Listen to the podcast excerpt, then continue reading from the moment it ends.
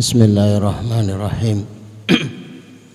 السلام عليكم ورحمة الله وبركاته.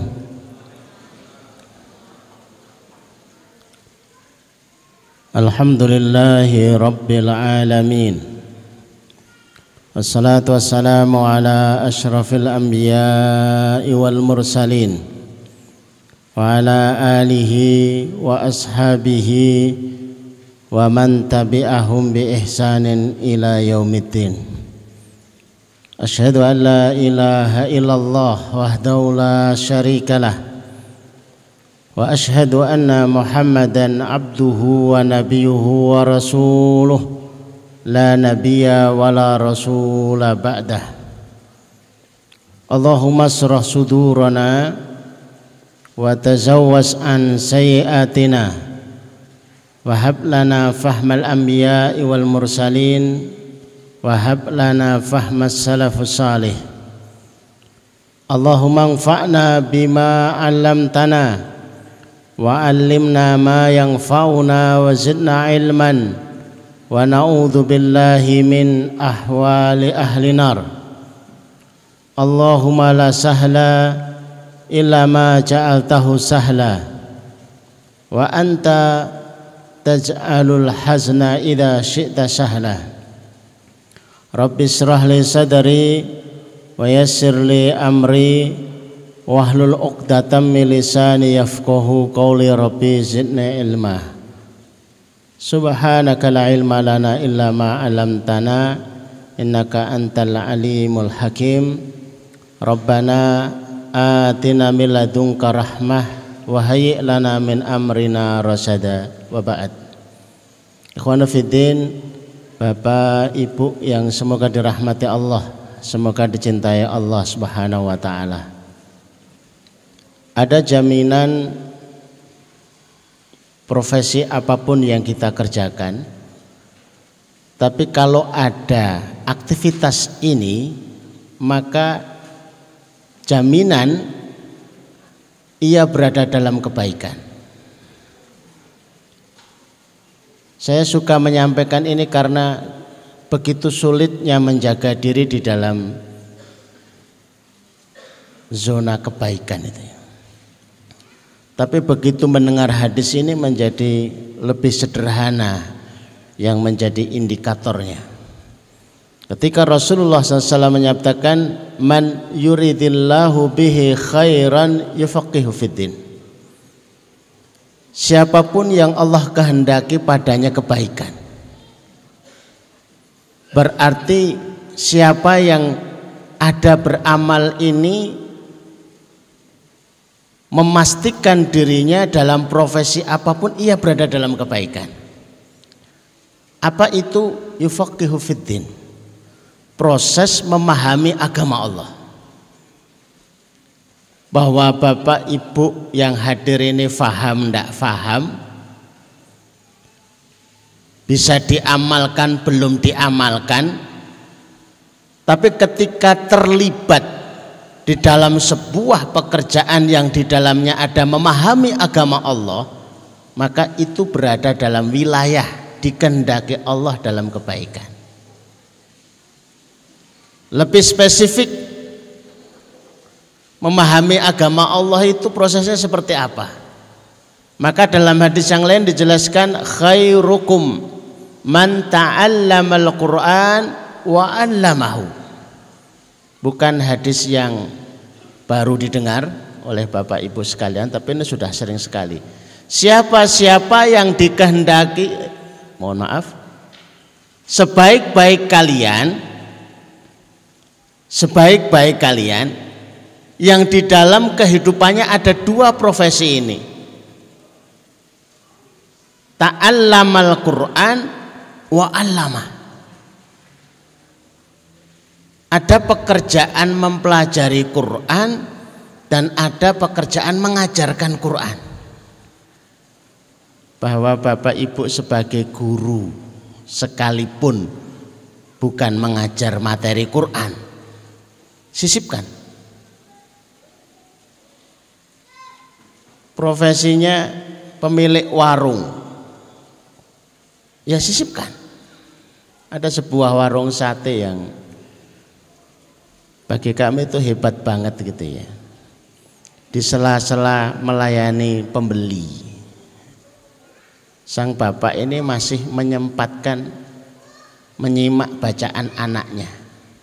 Dan kalau sudah menyimak, ya dia mohon maaf kepada pembeli untuk menunggu dulu sampai tasmik menyimak bacaan Quran anak ini selesai. Rijalun la tulhihim ia ingin menjadi sosok lelaki yang tidak dilalaikan yang tidak dibuat lupa tijaratuhum perniagaannya jual belinya bisnisnya adzikrillah dari mengingat Allah azza wajalla silakan berbisnis. Silakan berniaga. Silakan berbisnis dan berusaha. Tapi tidak melupakan kepada perintah Allah Subhanahu wa taala.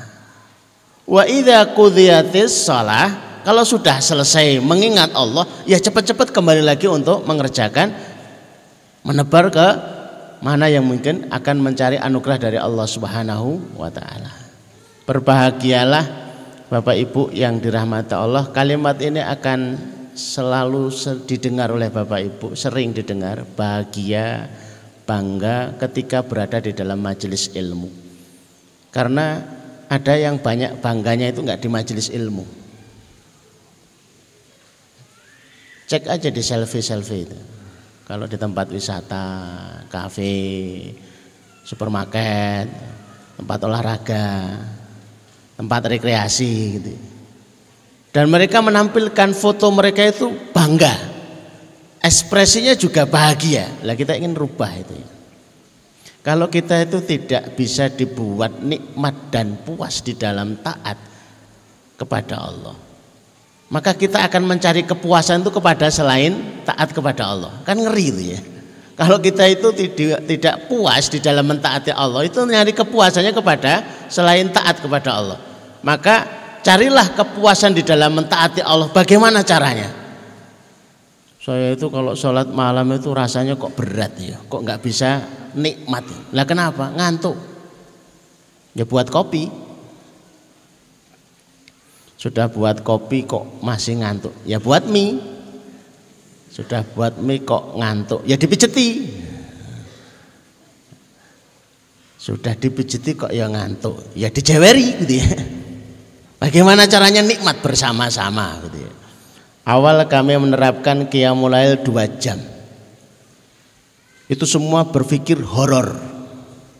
Dua jam sholat malam gimana caranya? Prakteknya cuma 30 menit. Ke mana yang satu setengah jam? Break. Jadi kalau dapat dua rakaat, assalamualaikum, assalamualaikum, break itu pada senang semua. Wah, gitu ya. Ngapain? Ngopi, makan snack, ngobrol, 30 menit mulai lagi gitu. Dapat dua rekat lagi, break lagi. Kok banyak breaknya? Ya baru kelasnya sekian, tapi tertulisnya itu kia mulai dua jam. Bangun malam dua jam, yang untuk sholat setengah jam. Itu pun Bapak Ibu, ya. Jadi kalau ikut akan ketawa bener gitu ya. Kamu tuh suka bacaannya yang pendek-pendek karena yang ikut itu pesertanya bapak-bapak. Tapi rukuknya lama, sujudnya lama. Kami biasa tasbih 10 kali.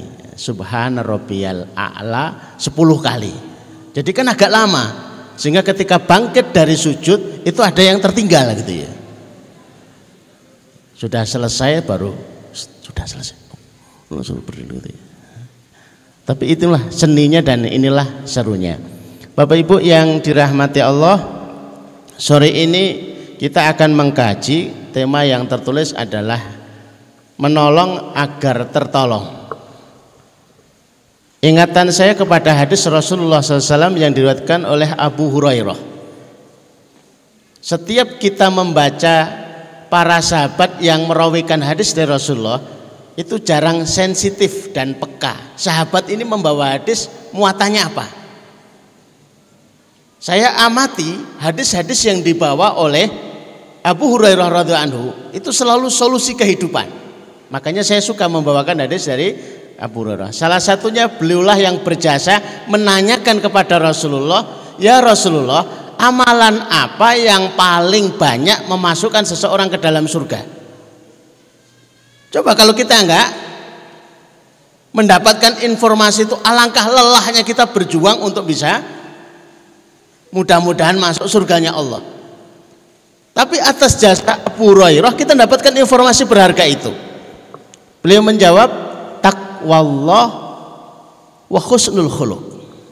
Bertakwa kepada Allah dan akhlak yang baik. Itu yang paling banyak memasukkan seseorang ke dalam surga.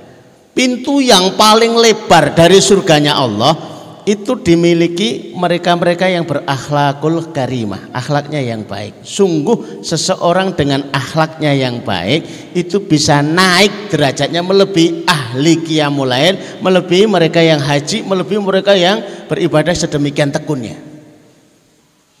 Ini Abu Hurairah. Silakan tengok pada hadis-hadis yang lain. Beliau itu merelakan untuk tinggal di Masjid Nabawi tinggal di sufah sehingga menjadi ashabus sufah karena tidak ingin kebersamaannya yang sesaat bersama Rasulullah itu terlewat barang satu kalimat pun dari Rasulullah sehingga beliau terhitung sahabat yang meriwayatkan dari Rasulullah banyak ya. bersama Rasulullah sebentar tapi karena mulazamah terus membersamai Rasulullah gitu ya. Disebut sahabat itu karena suhbah, selalu menyertai Rasulullah karena ingin semakin banyak yang di copy paste dari Rasulullah SAW. Bapak Ibu, kami akan jelaskan ada lima amalan dalam hadis ini. Mohon perhatiannya ya. Santri juga ya. Ada lima amalan yang amalan ini membuat seseorang itu cepat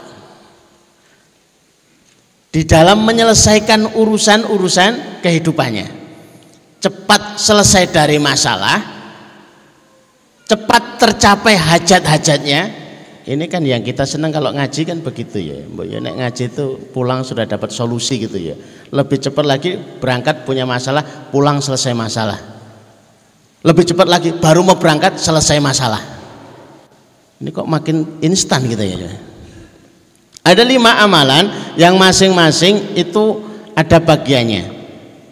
Ketika Rasulullah SAW menyebutkan yang pertama manafasa kurbatan min kurabi manafasa an mu'minin saya tulis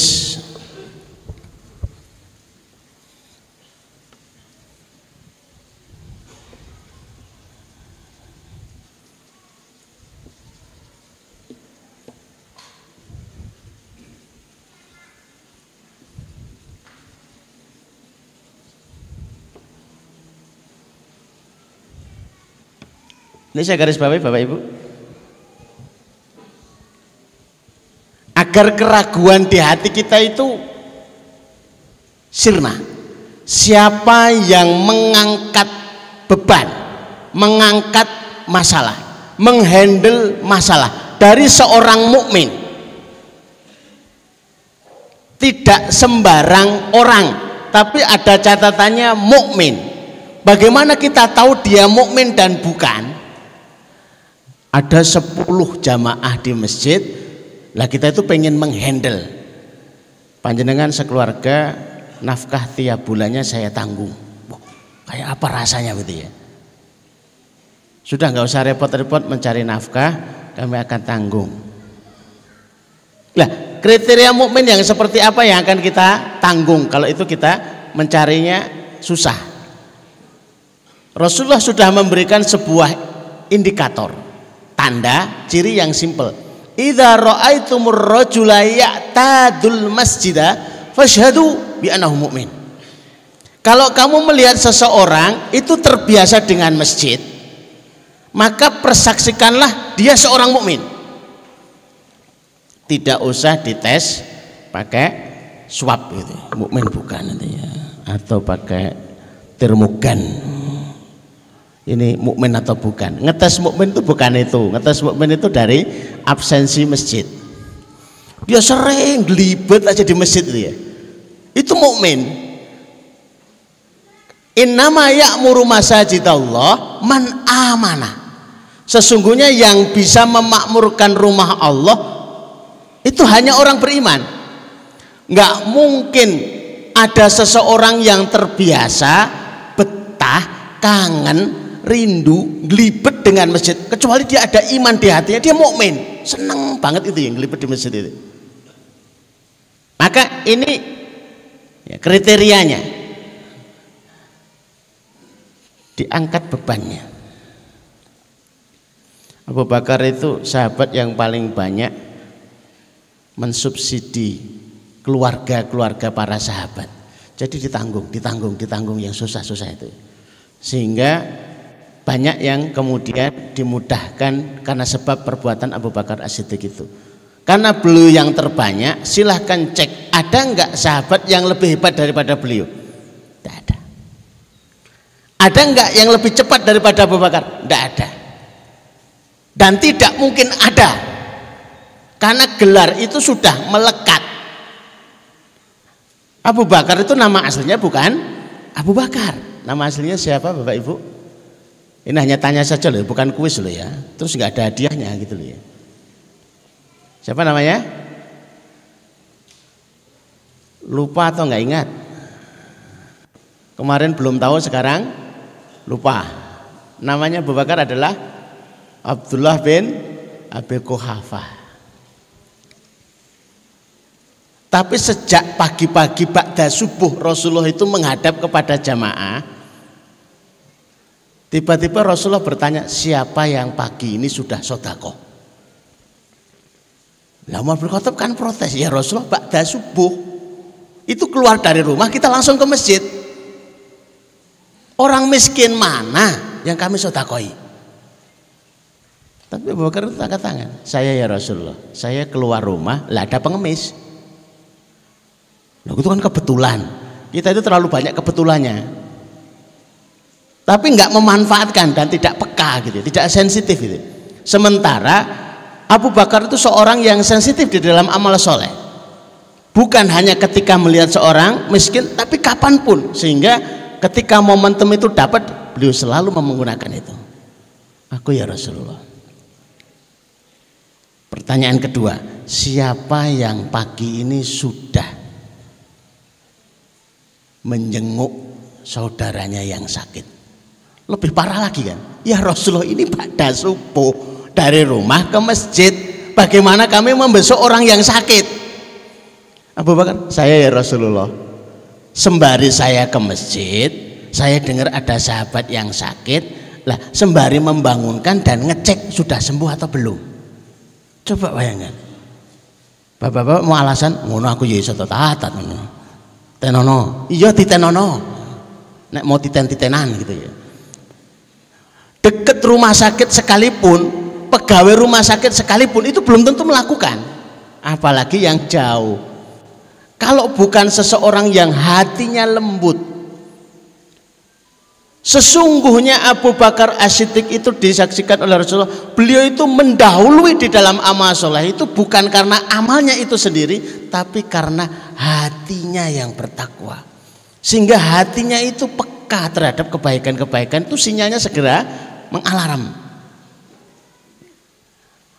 Sampai seseorang melakukan kurban Itu darahnya tumpah ke tanah Dagingnya dibagi Yang tersisa dari kita itu apa? Takwa Kepekaan apa yang kita ambil ibrohnya? Pelajaran apa yang menjadi ilmu bagi kita dengan menyembelih kurban itu?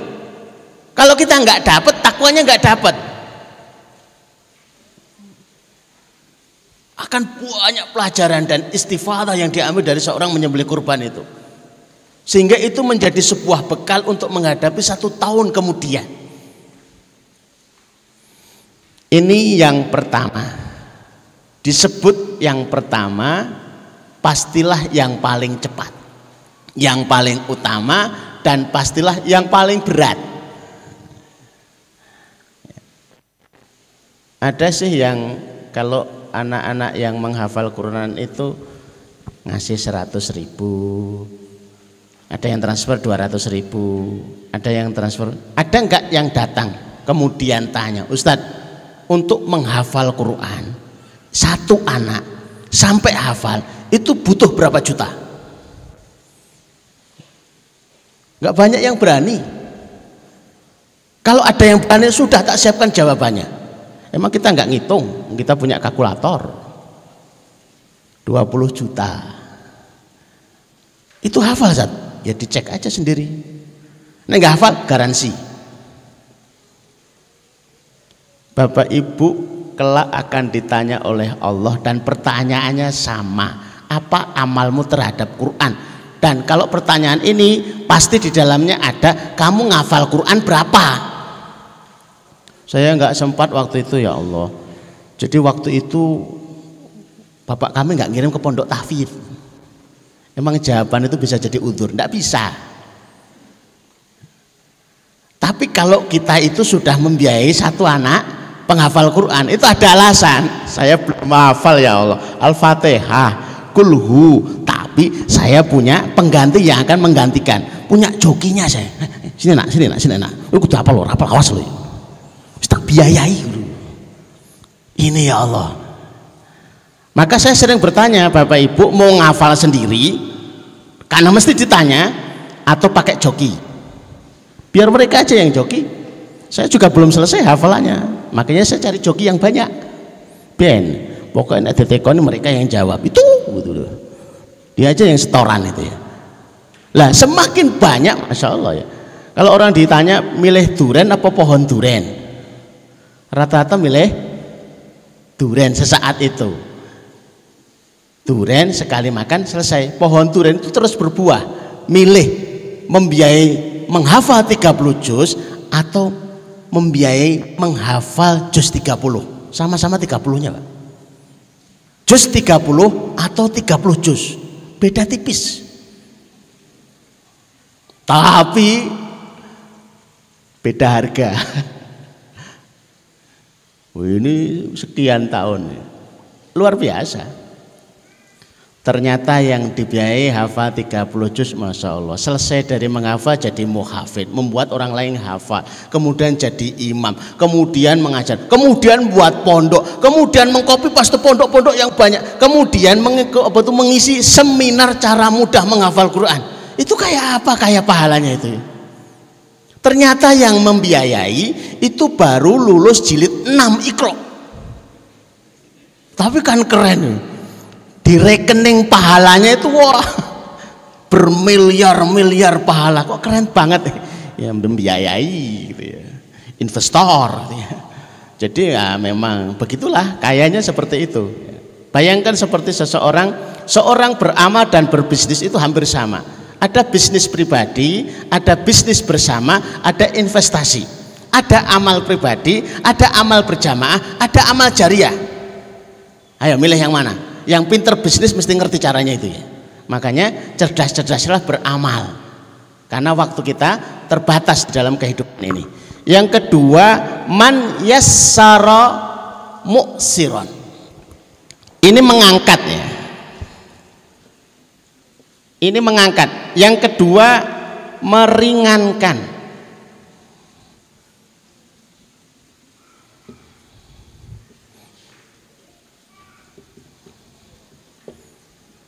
Meringankan kesulitan. Siapa yang mengangkat masalah seorang mukmin, Allah akan angkat masalahnya di dunia dan di akhirat. Kalau masalahnya itu hutang 600 juta, hutang 1 miliar, hutang 2 miliar. Selesai. Kemarin sudah kami contohkan kan? Ia pulang ke rumah tanya siapa ibundanya ibu apa yang saya harus lakukan dengan amalan itu ibu ridho? Nak adikmu mau menikah menggelisahkan karena belum punya cincin kawin. Belikan. Uang habis sama sekali. Bisnis bangkrut hanya sekedar beli cincin kecil aja nggak bisa. Akhirnya dia berhutang, masuk ke toko emas, disuruh milih mana saja. Tapi yang penting sesuai dengan budgetnya. Kan enak kalau seperti itu. Milih mana saja. Yang penting uangnya 50 ribu. Kan asik kalau gitu ya. Sesuai dengan budget yang kira-kira dia mampu untuk membayar gitu. Begitu dibawa pulang, dipasangkan di jari di hadapan ibunya, nangis ibunya itu. Bapak Ibu kalau hari ini masih punya ibu dan panjenengan punya masalah, cari ibunya. Tanyakan, Bu, saya melakukan apa yang kira-kira ibu itu ridho. Kalau mintanya yang ringan itu asik. Aku ridho nek mbok pijeti. Wah, aku seneng nek itu ya. Ibu ki ridho nek haji. Aduh, belai iki larang ya. Ibu ridho nek digaweke omah raketang cilik-cilik tipe 21 wah ini agak ringan. Tapi ibu Ridho nek dibuatkan pesantren Allah Akbar. Gede kuwi. Dan ketika kita melakukan ibu kita itu menangis menitikkan air mata. Air mata keridoan cepet-cepetlah berdoa. Dan mintalah dia berdoa. Ibu itu sudah sering ridho. Nggak bisa. Sekarang harus doakan kami itu dahsyatnya luar biasa. Sama ketika cincin itu dipasangkan di jari, ibunya meneteskan air mata ridho, langsung tangannya diangkat. Inilah alasan kenapa doa anak itu kadang-kadang itu mental. Doa ibu juga mental. Sebabnya apa? Anaknya didoakan, begitu banyak doanya tapi tidak diridhoi. Mudah-mudahan begini, mudah-mudahan begini, mudah-mudahan begini. Tapi sebenarnya aku gak, gak seneng karo anakku. Terus piye itu loh didoakan tapi tidak diridhoi. Para ibu ridhoi anaknya sekalipun itu belum sesuai dengan keinginan setelah itu doakan sesuai dengan keinginan. Ridhoi anaknya setelah ridho doakan sesuai dengan keinginan. Karena ridho Allah fi ridho walidain. Ridho Allah itu menunggu ridhonya kedua orang tuanya Begitu sudah dipasang di cincinnya langsung Allah madzib hammahu, Allah madzib hammahu, Allah madzib hammahu. Ya Allah angkat masalahnya. Ya Allah angkat masalahnya. Ya Allah usir masalahnya. Baru saja berhenti berdoa, tangan ibu undanya itu belum turun dari tengadah, itu sudah HP berdering. Temannya yang lama dulu pernah barang-barang bisnis tanah lupa belum ngasih fee. Ternyata fee-nya berapa? 10 miliar. Udah satu kalau doa ibu itu ya. Ini yang pertama. Pas kebetulan ngangkat masalahnya belikan cincin. Agak berat kalau suruh membelikan toko cincin lah. Lebih berat lagi. Perusahaan cincin wah lebih berat lagi. Tapi yang lebih berat lagi ibu itu ridho kalau kamu itu bawa orang yang mau dipasangi cincin. Lah kuwi repot tuh gak cocok-cocok gitu ya. Yang kedua meringankan kesulitan. Jadikan bapak ibu konsep. Jadi kalau kita nggak bisa mengangkat kesulitannya ringankan. Agar kita itu senang dengan tamu-tamu yang datang itu ya. bukan dari jauh kita pakai teropong kayak mesti ngutang bentuk gelagate wajah dan lambean tangannya itu bentuk-bentuk orang yang sedang butuh uang. Terus kita menyelinap pergi gitu ya. Jangan, sudah temui. Berusaha untuk gentleman menemui. Mohon maaf Pak, ini mesti diawali mohon maaf gitu ya. Mesti nyilih duit. Bisa nggak golek singgolan? Maksudnya singgolan apa? Mesti iya. Butuh berapa sih gagah ya? Emang butuhnya berapa? Nggak banyak cuma 50 juta. Oke. Masuk ke dalamnya. Seneng dia. Tapi mengeluarkan 100 ribu. Saya hanya bisa meringankan. Allah tapi saya butuhnya 50 juta. Iya saya tahu. Tapi saya punyanya 100 ribu. Tapi saya butuhnya 150 juta. Saya punyanya 100 ribu. Ya tapi yo nggak cukup. Lah mau nggak? Lumayan bisa beli bensin terus kemudian muter-muter lagi begitu kan? Sudah kalau ini tidak siap tak tambahi 100 ribu plus doa. Mau ditambahi mana 100 ribu plus doa plus sholat dua rakaat. Mau ditambahi mana 100 ribu plus doa plus sholat dua rakaat plus saya akan membaca sholawat 100 kali kemudian mendoakan khusus kamu. Keren itu ya. Itu mahal itu harganya Ketika istri itu mau melahirkan, dokter sudah mengatakan Ustadz jam 11 nggak lahir normal, sesat. Kira-kira para bapak kalau dikasih kode sama dokter yang terbayang apa? Operasinya atau prosesnya atau mengkhawatirkan selamat kedua-duanya atau gimana? Nah saya kok bayari ya? Sepakat kan Pak? Mesti bayar akeh gitu. Maka saya langsung telepon teman-teman, saya minta tolong bisa. Apa itu Ustaz? Sholat dua rakaat. Doakan istri kami melahirkan normal. Saat ini juga. Semuanya sholat dua rakaat karena pagi hari kemudian mendoakan dan sebelum jam 11 lahir normal. Allahu Akbar. Itu pertolongan itu ya. Sholat dua rakaat dan mendoakan itu sudah meringankan kesulitan. Jadi kalau kita nggak bisa menolong dalam bentuk uang ringankan ringankan bisa jadi tidak sejumlah yang dibutuhkan bisa menunjukkan coba ke sana saya mau cerita tapi agak panjang ya. Ceritanya ini di Kuwait, dimuat di majalah Mujtama. Ceritanya keren banget begitu ya. Punya uang itu cuma dua dirham. Satu dirham maaf. Punya uang cuma satu dirham. Ini profesinya tukang tenun. Istrinya meminta suaminya beda dengan kita ya. Kalau di sini itu yang biasa belanja ke pasar itu para istri. Kalau di Arab itu para suami. Satu dirham tolong membeli kebutuhan keluarga hari itu. Ia berjalan menuju pasar belum sampai di pasar ketemu dua orang yang sedang padu ditanya masalahnya apa? Rebutan uang satu dirham.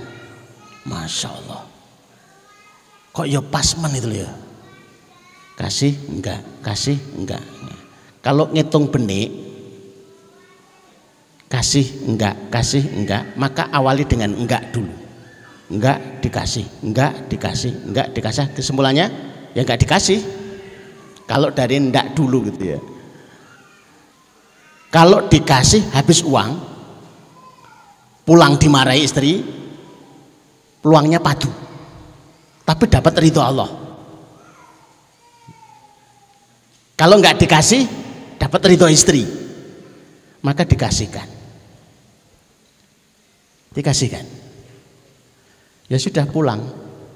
Ya betul, padu. Akhirnya apa yang dilakukan? Menjual alat tenun. Sudah habis, uang nggak ada. Dibawa ke pasar dari pagi, siang, sore, hampir jelang malam, nggak ada yang laku, nggak ada yang beli. Sudah dibungkus lagi dibawa pulang. Sudahlah alamat nggak makan hari itu. Ternyata papasan di tengah jalan dengan orang yang jual ikan. Ikannya besar. Sama-sama nggak laku. Daripada nggak laku, yang satu butuh makanan, yang satu yang penting ikannya laku. Akhirnya barter. Ikan dibarter dengan alat tenun. Begitu sampai di rumah, ya sudah di, Ajaib, begitu dibuka perutnya ikan itu ada seperti batu bulat sebesar telur puyuh. Ini apa ini? Mutiara. Barangkali Bapak Ibu ikut batin, masa mutiara di perut ikan? Ya terserah ceritanya begitu. Saya juga nggak ngeyel waktu itu. Kenapa Bapak ngeyel? Kok udah ini kan tiram. Ya, ceritanya gitu ya sudah manut wae. Mungkin tiram mengeluarkan mutiara terus ditelan ikan. Gitu aja ceritanya, singkat begitu ya. Lah terus bingung. Lah dibawa ke toko emas. Ini yang asik. Ya, kalau orang-orang soleh kemudian di komunitas orang soleh itu enak gitu ya. Sampai di sana saya kok nemu kayak gini ini. Coba dicek ini apa? Ini mutiara. Ini kalau dijual harganya berapa? ini saya bisa menghargai 10 ribu dirham. Tapi kalau pengen lebih, silakan jual di toko yang sana. Mungkin menghargai lebih dari saya. Coba bayangkan. Ada nggak yang kayak gitu, Pak? Ada nggak? Beras di tempat saya itu saya harganya sekian. Tapi kalau harga yang lebih murah itu di sana, Pak. Ya bangkrut lah caranya begitu tuh.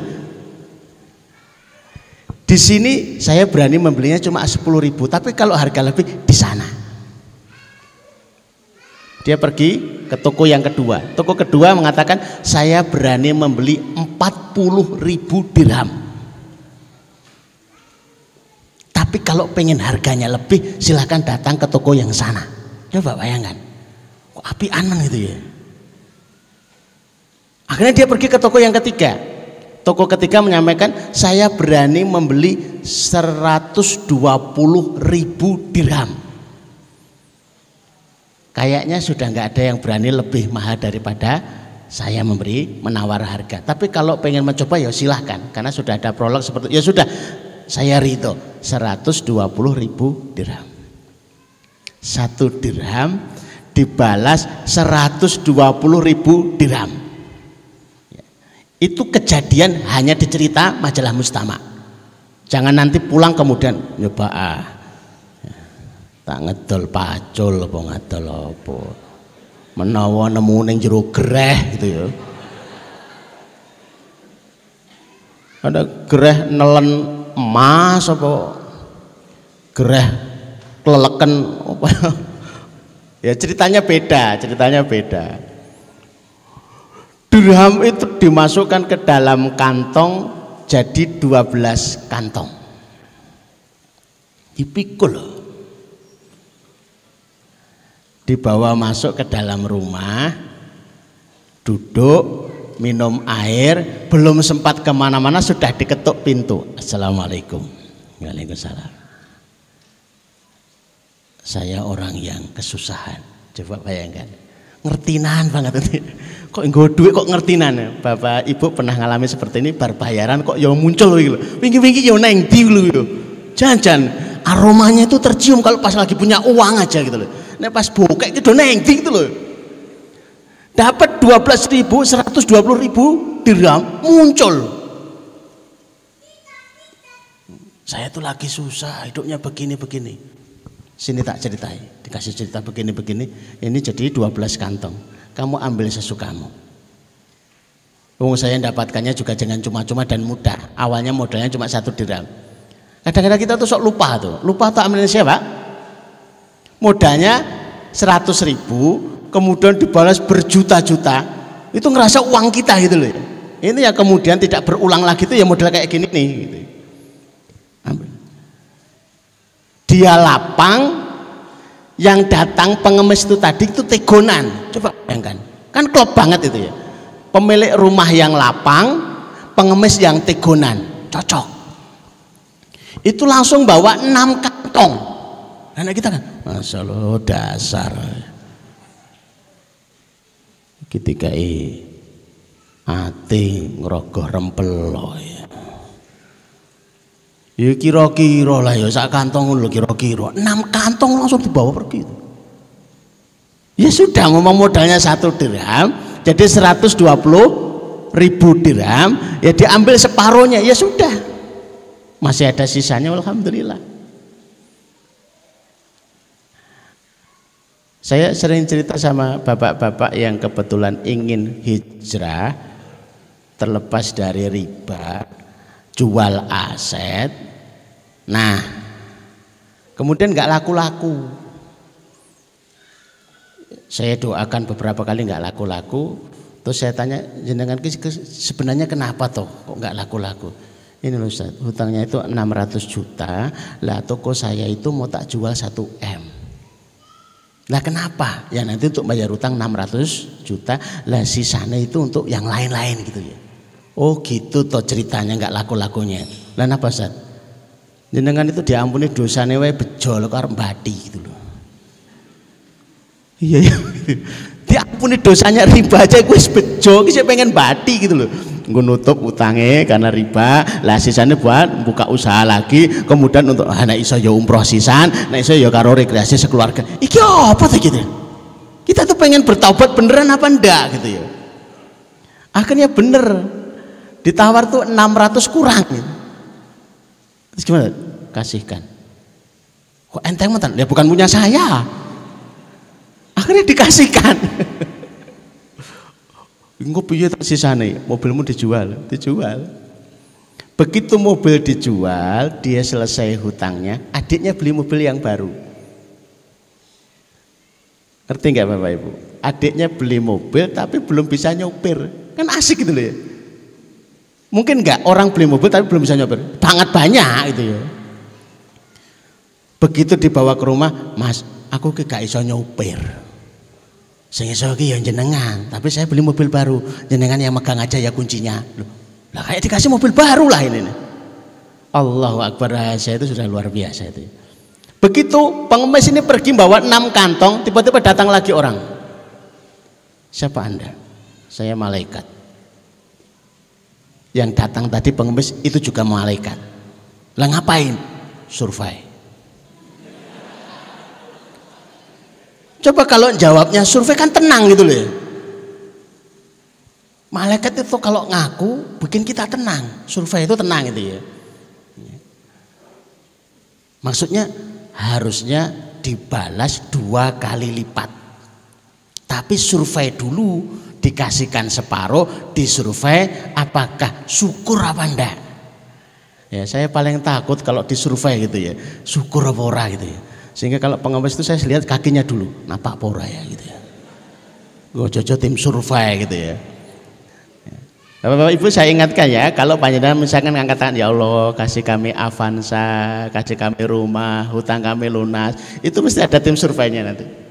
Entah itu manusia yang digerakkan oleh Allah, entah itu malaikat yang menyamar jadi manusia. Kalau bingung, Klunya ada di dalam Quran. Tidaklah malaikat itu menyamar jadi manusia kecuali dalam sosok laki-laki. Kalau ada ibu-ibu tua wanita ngakunya saya malaikat, mesti ngapusi. Nah kamu tahu dari mana? Malaikat itu laki-laki yo gitu loh ya. Al-Qur'annya ada, ayatnya ada, mesti sosoknya laki-laki. Lah saya wis ganti peraturan orang ono ndak malaikat itu laki-laki. Ibu-ibu pun protes ayatnya ngono ya, ya. Ya sudah gitu ya. jadi meringankan kesulitan. Masih ada yang ketiga waman sataro aiban. Waman sataro aiba muslimin. Ya begitu ya menutup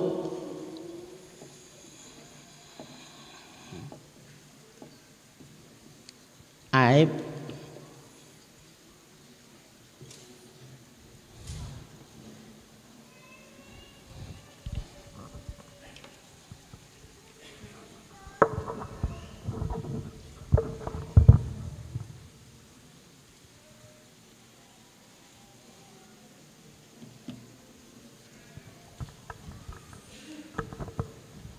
giliran mengangkat masalah mukmin Giliran menutup aib muslim. Rahasianya di mana? Ini lebih berat daripada ini. Dan muslim itu bisa jadi itu suami kita atau istri kita. Kalau ada aib-aib yang butuh ditutup, tutup saja. Kehormatan yang harus dijaga.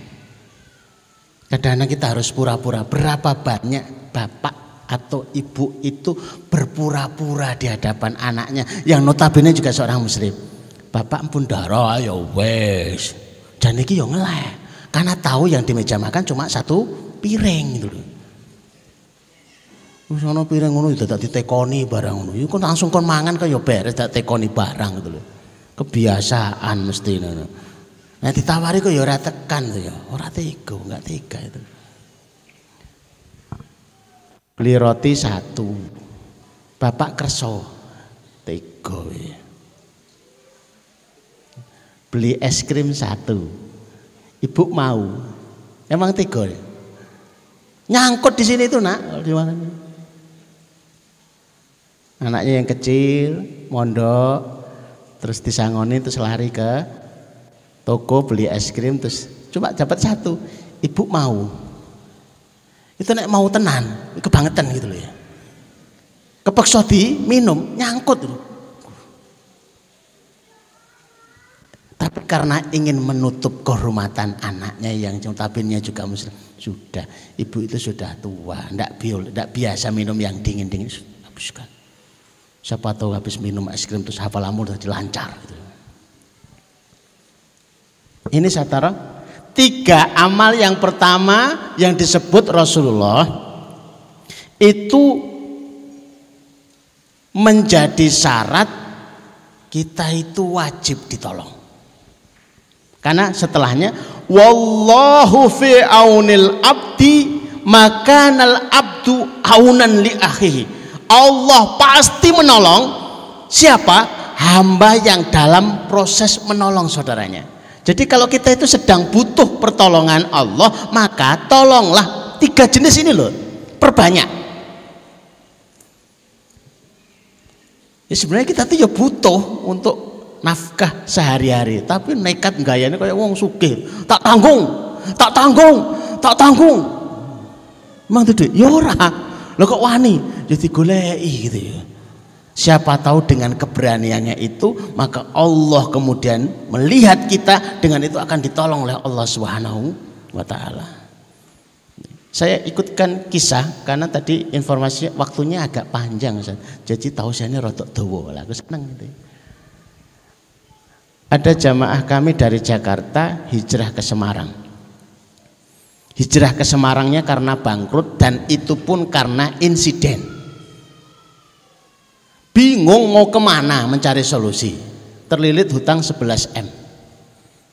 Pokoknya datang aja ke stasiun. Naik kereta api mana saja yang masih bisa kesusul itu ya. Ya dapatnya Semarang. Kenapa harus sampai Semarang? Karena harus ketemu dengan saya gitu. takdirnya waktu itu gitu loh ya. Saya juga nggak ngerti mau ketemu apa gitu ya. Itu qadar Allah nyari pekerjaan apa saja itu nggak dapat nggak dapat nggak dapat nggak dapat tinggal uangnya 200 ya saya cerita ini tau tinggal 200 ribu. Itu uang yang tersisa. Tahu-tahu bakda subuh itu di depan rumahnya itu sudah ditunggu ibu-ibu sama anak-anak. Bu nonton apa bu? Pak bu kami ditolongi anak saya nggak boleh ujian karena belum bayar SPP. Lah butuhnya berapa bu? 200 ribu. Kok pasti banget gitu loh yuk. Apa jangan-jangan sudah kong kali kong. Lah kong kali kong sama siapa gitu ya. Kok ya 200 ribu gitu loh. Masya Allah. Kalau kita dikasih apa enggak Pak ya? Wah ya cadangan. Habis kok tinggal 200 ribu itu ya. Bapak ini masih berpikir wajar. Saya ketemu terakhir beliau sudah punya 35 mobil.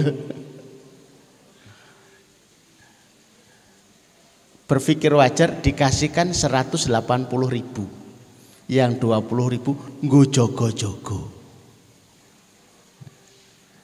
Begitu sudah dikasihkan, ibunya ngasih telur. Pak, mohon maaf saya punya telur asin sebagai ganti ya barter. Ya. Kata bapaknya ketika cerita pada kami, saya nyari telur asin seperti yang dikasih ibu itu belum pernah ada. Enaknya luar biasa. Besok pagi datang lagi ibunya sama anaknya. Bu, lo kok datang lagi toh bu? Kurang pak. Lo kurang berapa? 20 ribu. Astagfirullahaladzim. Memang itu 20 ribu ya tinggal satu-satunya yaitu. Akhirnya ya sudah dikasihkan. Sekarangmu ya Allah. Yang merintahkan saudara yang kau kalau nggak tertolong ya aku protes. Jadi kasihkan. Baru dilepas 200 ribu semuanya. Itu sudah tos-tosan habis-habisan. Dia baru dapat telepon. Mas katanya pindah. Ya. Di mana? Di Semarang. Katanya punya usaha. Belum sih masih bingung nggak punya modal. Ya sudah. Tak pinjami modal dipinjami modal, dipinjami macam-macam ya. Intinya kemudian ia bangkit memulai usahanya. Begitu sudah jaya, waktu ketemu ibu itu dia nggak lupa untuk minta alamatnya. Ibu alamatnya mana? Khawatir nanti kalau nipu atau gimana ya. Ya wajar lah kadang-kadang curiga. Begitu sudah susah dicari lagi ibu tadi. Ditanya alamat ini ke RT-nya, ke RW-nya, dan ternyata ini tidak ada alamatnya. Ini alamat palsu. Ya sampai sekarang nggak ketemu karena rencananya mau diumrohkan. Apakah itu malaikat?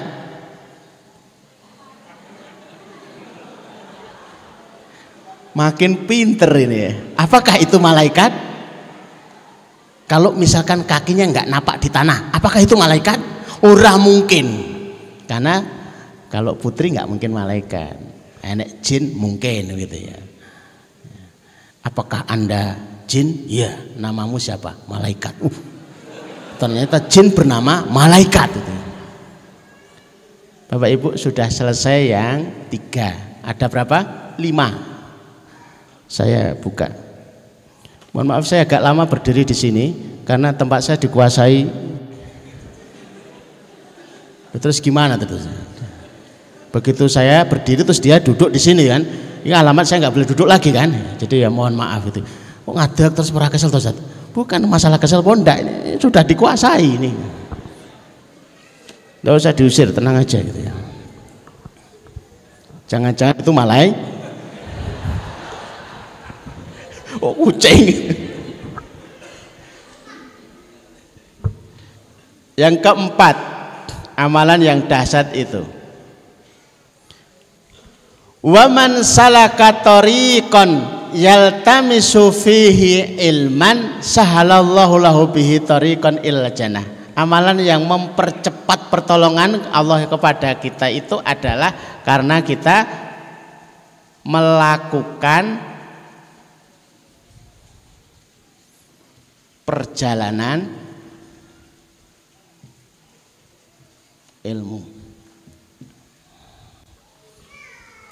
Salah kan ya tamisu fi ilman. Itu di situ di gak diceritakan sampai lokasi pun enggak lo ya. Mana Pak? talabul ilmi. Kok teko bengi? Lah menggok sik ning kafe. Wah golek ilmu kok ngono lah dalile kon melakukan perjalanan. Ora kudu tekan. Kok saya pinter ya? Pokoknya melaku majelismu siap? Majelismu siap? Ya siap. Nyatet terus ora kalau udah Ustaz Rahansi mesti suruh nyatet ini. Wis dicatat kemudian bukunya dipinjam anaknya disobek seret. Dibuat pesawat. Temangsang di gendeng ini sing marahi nggak pinter-pinter model kayak begini ini. Maka anak itu disifati dalam hadis Rasulullah al waladu mabhalatun anak itu menjadi sebab bodoh orang tuanya.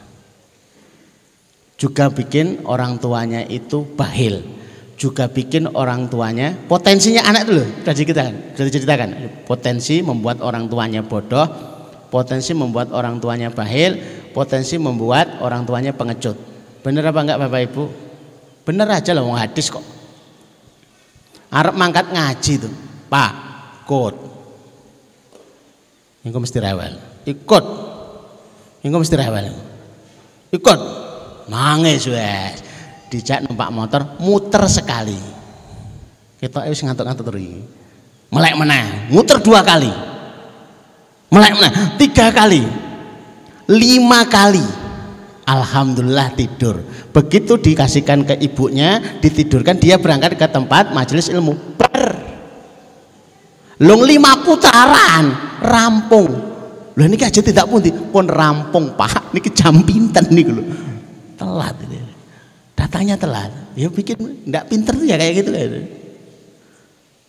salah satunya itu jadi melakukan perjalanan ilmu itu akan dimudahkan perjalanan menuju surganya Allah. Semudah kita itu melakukan perjalanan ke majelis ilmu, semudah itu pula kita dimudahkan masuk ke dalam surganya Allah. Wis entengan wae lah.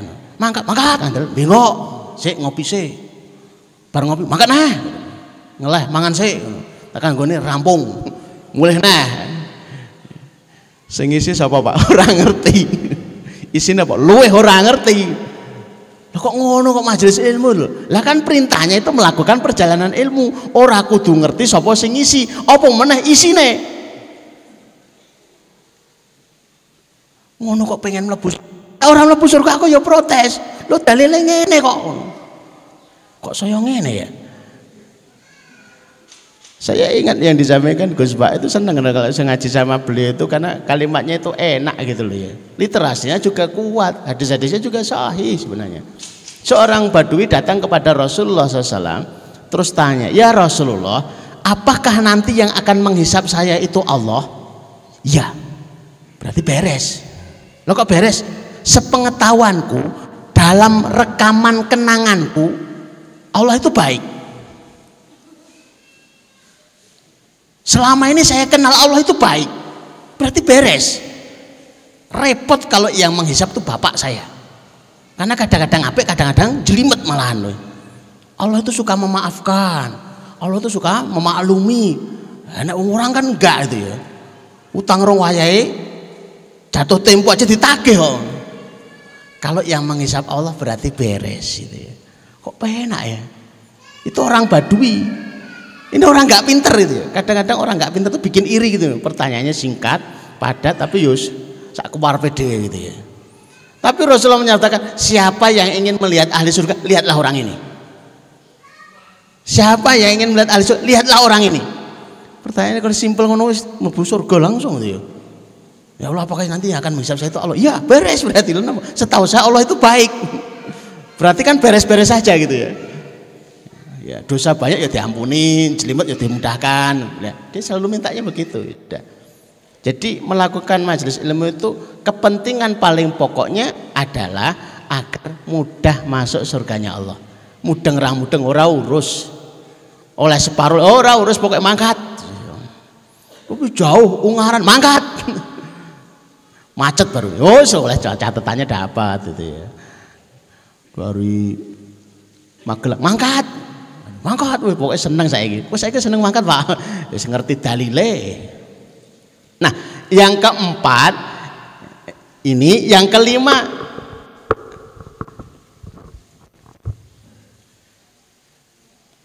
masih satu hadis itu, bukan hadis beberapa teman. Ini satu hadis itu. Wa majtama'a qaumun fi baitin min buyutillah yatluna kitab Allah. Tidaklah berkumpul satu kaum, sekelompok orang di satu rumah dari rumah-rumahnya Allah melakukan tilawah. Tilawatil Quran. Yatluna kitab Allah wa yatadarasuna fi dan tadarus mengkaji. Berarti nek inti masalah Gus pokoknya ning masjid maca Quran. Ngumpul wong kan ngajar. Iya. Santri-santri nggak ngerti apa yang kami lakukan itu. Foto eh, manut ustadz ngono wae. Besok tagihan proyek biro sekian. Uh, ngaji. Wah, apa tuh ngaji? Lah dalilnya ada. Membaca Quran.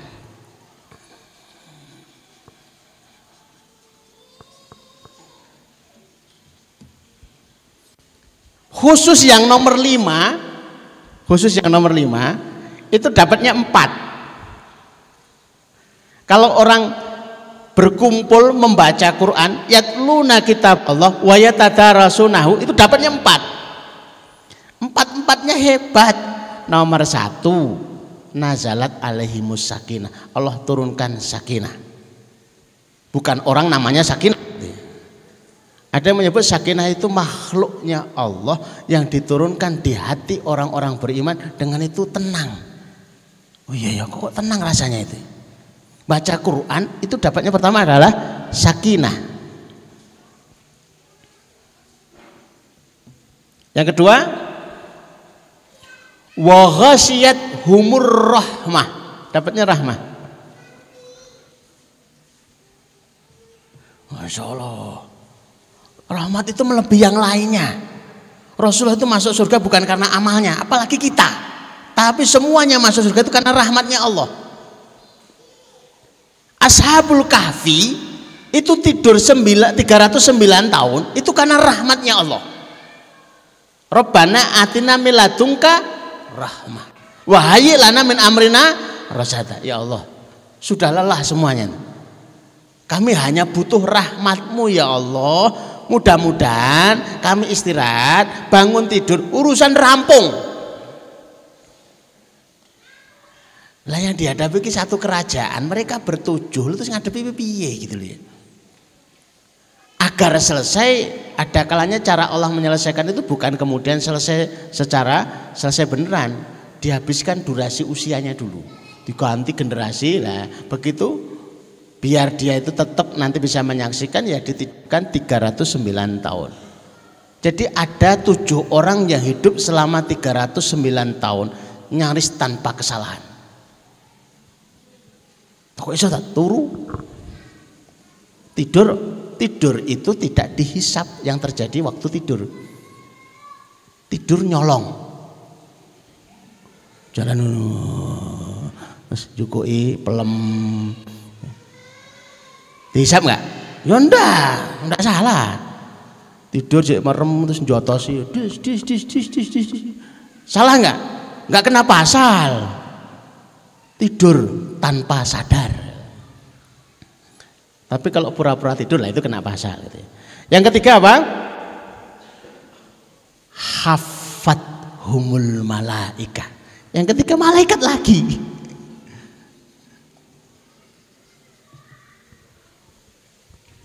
coba baik ngundang malaikat itu simpel kan?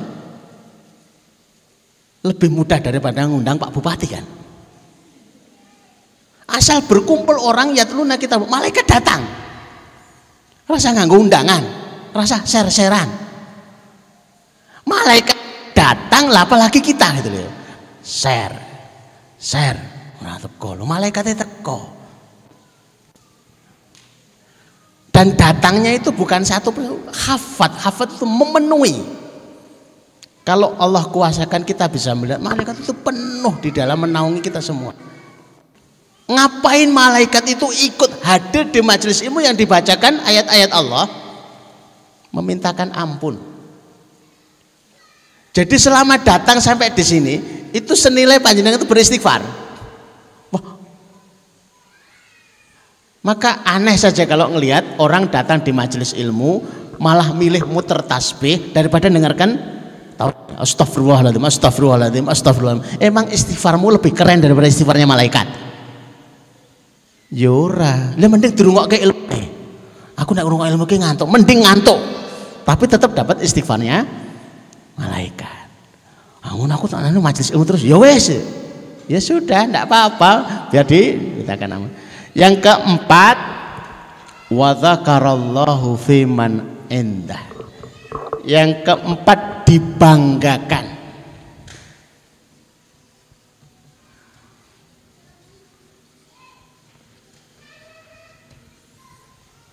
Siapa yang membanggakan? Allah. Kepada siapa? Di hadapan makhluk langit. Gimana kalau Bapak Ibu pengajian begini kemudian diliput dan liputannya ditayangkan di seluruh Indonesia? Keren enggak? Wah keren banget. Bagi saya enggak.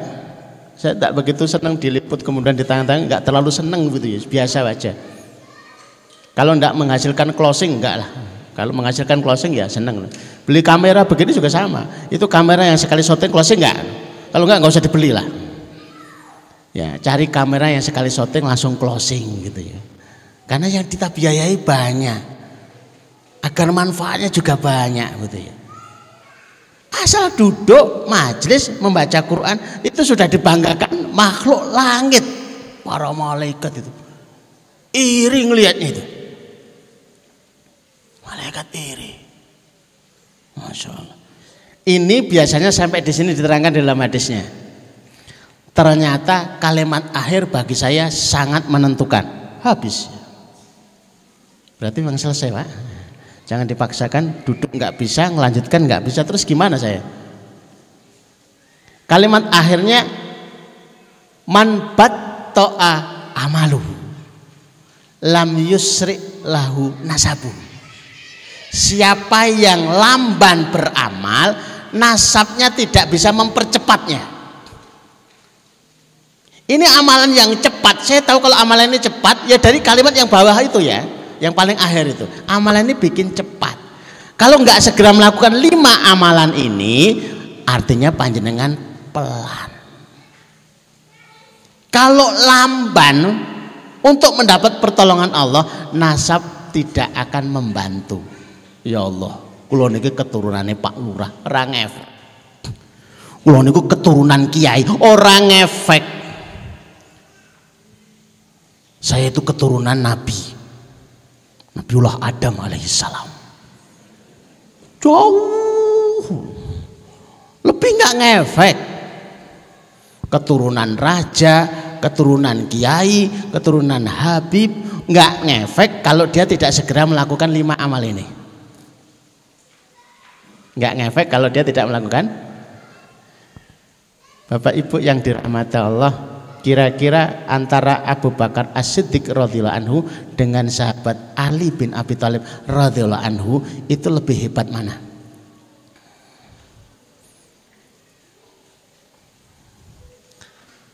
Ayo. Ya dua-duanya hebat. Lebih hebat itu mesti ada satu gitu loh ya.